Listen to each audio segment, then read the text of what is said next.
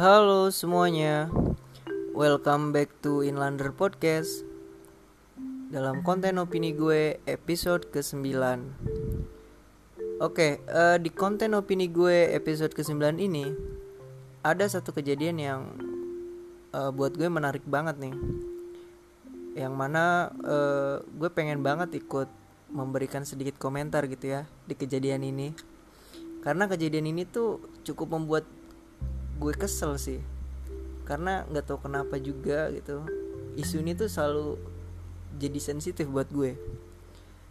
Uh, di kesempatan di Inlander Podcast episode ke-9 ini gue mau membahas soal kejadian marah-marah uh, yang kemarin viral di internet. Kemarahan dari Menteri Sosial kita yaitu Ibu Risma hari ini. Jadi ceritanya begini. Ibu Risma ini lagi kunjungan atau lagi belusukan atau lagi sidak gitulah ya. Kalau kata kerennya buat pejabat di Wiataguna e, di Jalan Pajajaran Kota Bandung. Nah e, singkat cerita akhirnya Bu Risma nih marah-marah sama bawahannya yang dalam tanda kutip dianggap lelet kerjanya dan kebanyakan santai-santai pas lagi kerja gitu. Yang padahal uh, saat itu tuh harusnya mereka tuh nyiapin dengan cepat gitu dapur umum untuk masyarakat yang terdampak karena pandemi COVID-19 ini. Dan sebenarnya gue kurang tahu detail dan jelasnya kayak gimana.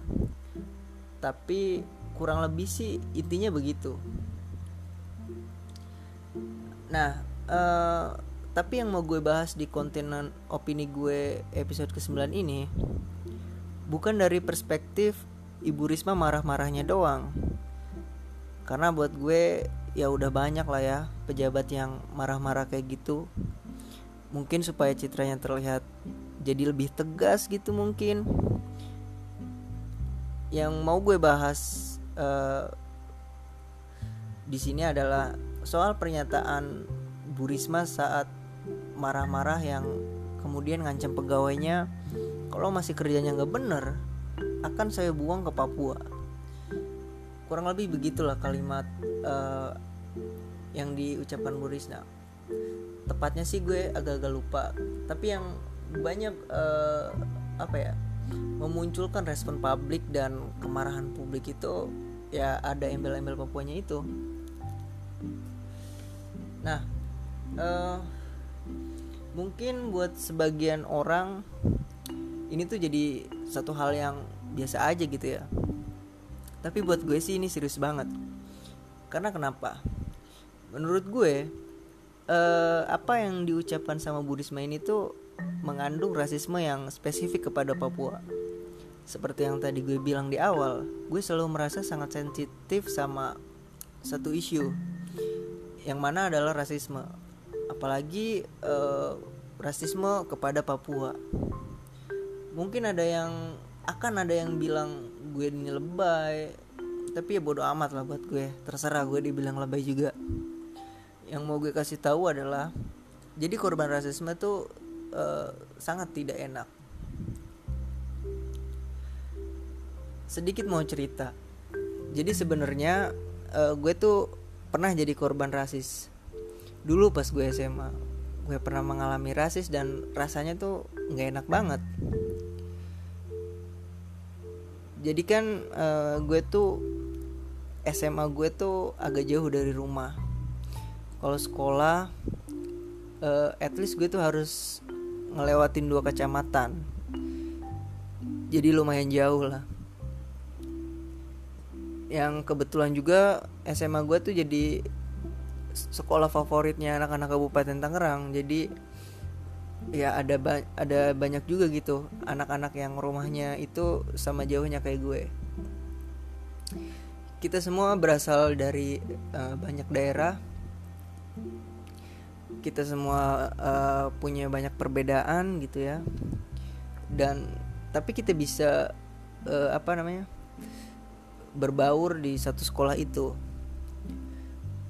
Tapi pernah satu ketika gue itu dikucilkan benar-benar dikucilkan. Padahal gue gak berbuat jahat ataupun melakukan perbuatan negatif lainnya gitu. Gue dikucilkan karena gue berasal dari desa gue aja gitu. Yang mana stigmanya itu memang terkenal doyan berantem gitu pengen selalu jadi jagoan kriminal gitu-gitu deh pokoknya. Gue sendiri sih tidak apa ya tidak menafikan adanya fakta itu terhadap desa gue. Tapi yang apa ya bikin gue apa nggak terima akhirnya uh, gue tuh dikucilkan bukan atas perbuatan yang gue lakukan gitu. Dan buat gue itu sangat tidak fair. Yang akhirnya kejadian itu juga yang buat gue tuh jadi benci banget sama rasisme karena kita dijudge which is itu bukan kesalahan kita gitu.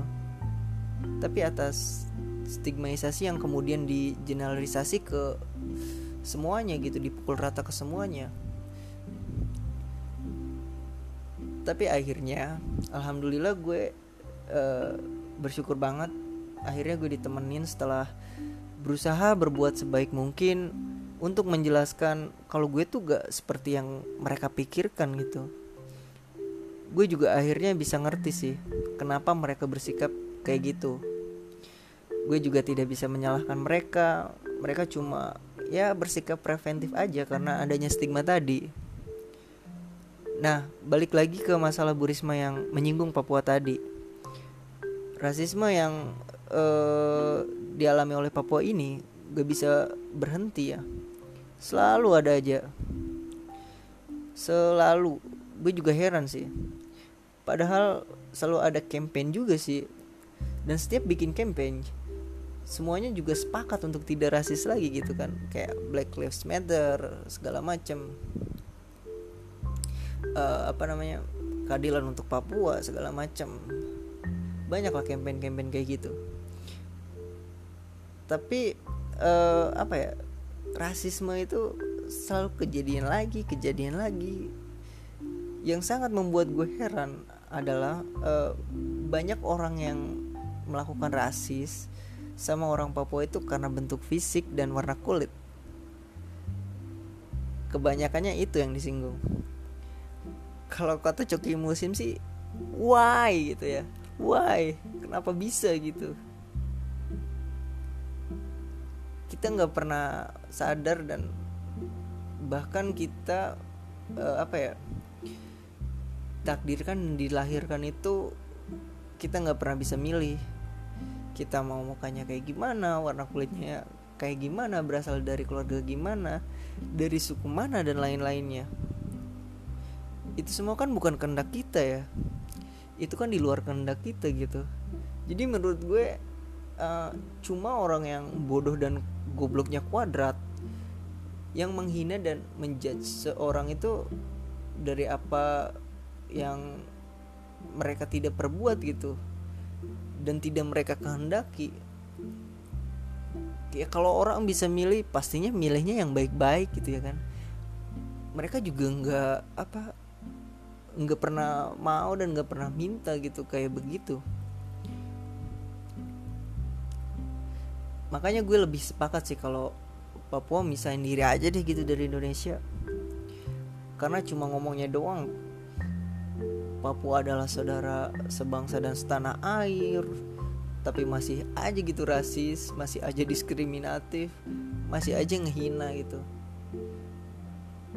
Mungkin aja uh, kalian akan bilang kalau gue gue ini pro pada gerakan separatisme dan melawan pancasila sila ketiga yaitu persatuan Indonesia gitu. Tapi sebenarnya enggak juga gitu gue cuma pro kepada kemanusiaan yang adil dan beradab aja. Which is itu juga ada di Pancasila gitu. Persis sebelum persatuan Indonesia. Atau mungkin ada lagi yang uh, misalnya gue ngomong kemerdekaan untuk Papua terus ada orang yang menolak dengan alasan kalau Papua lepas dari Indonesia nanti kita jadi nggak punya apa-apa dan miskin dong gitu buat gue argumen itu sih agak lucu ya. Karena gini udah tahu kita tuh butuh sama Papua. Karena Papua kan ya kaya gitu akan sumber daya alamnya tapi kita malah menolak pribuminya kita hina kita diskriminasi dan sebagainya. Buat orang Papua gue punya uh, teman dekat orang Papua di kampus. Mereka tuh berasa dijajah tau sumber daya alamnya dieksploitasi habis-habisan. Sementara pribuminya tidak diperlakukan dengan semestinya kurang bermental penjajah apa kita ini? Balik lagi ke topik Bu Risma marah-marah tadi. Sebenarnya gue sangat menyayangkan banget selevel menteri sekelas menteri gitu bisa bersikap rasis dan memberikan uh, sebuah komentar yang blunder juga gitu ya kan.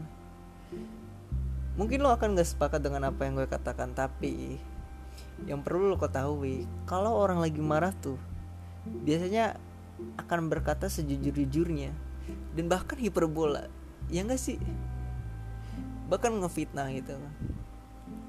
Misalnya gini gue punya aib atau rahasia teman gue yang mana itu sensitif banget buat diomongin dan itu harus dijaga sama gue. Tapi pada satu ketika akhirnya gue marah besar gitu sama uh, teman gue ini. Bisa aja waktu itu pas marah itu uh, aib atau rahasianya teman gue ini gue omongin depan umum. Yang tujuannya pastinya untuk mendiskreditkan dia dan pastinya untuk menjatuhkan dia. Nah jadi dalam konteks ini yang dilakukan sama Bu Risma ini adalah sikap rasisme tentunya. Walaupun banyak yang bilang nggak gitu kok ibu Risma ini lagi emosi aja jadi ceplas-ceplos. Ya justru dari emosi tahu gitu. Karena alam bawah sadar dari kemarahan itu adalah kejujuran. Dalam kejadian ini uh, gue sangat sepakat sama apa yang uh, dikatakan sama Komnas HAM. Komnas HAM pernah bilang kalau pernyataan Bu Risma ini makin mempertebal stigmatisasi kepada Papua. Iyalah, sekelas menteri gitu loh. Jadi harusnya sih Bu Risma ini minta maaf sih. Harusnya sih minta maaf, tapi kita lihat aja ke depannya kayak gimana. Mungkin segitu dulu pembahasan di episode ke-9 konten opini gue ini. Uh, terima kasih banyak untuk yang sudah mendengarkan. Semoga bisa bermanfaat untuk kita semua. Sampai bertemu di episode-episode selanjutnya. See you dan bye.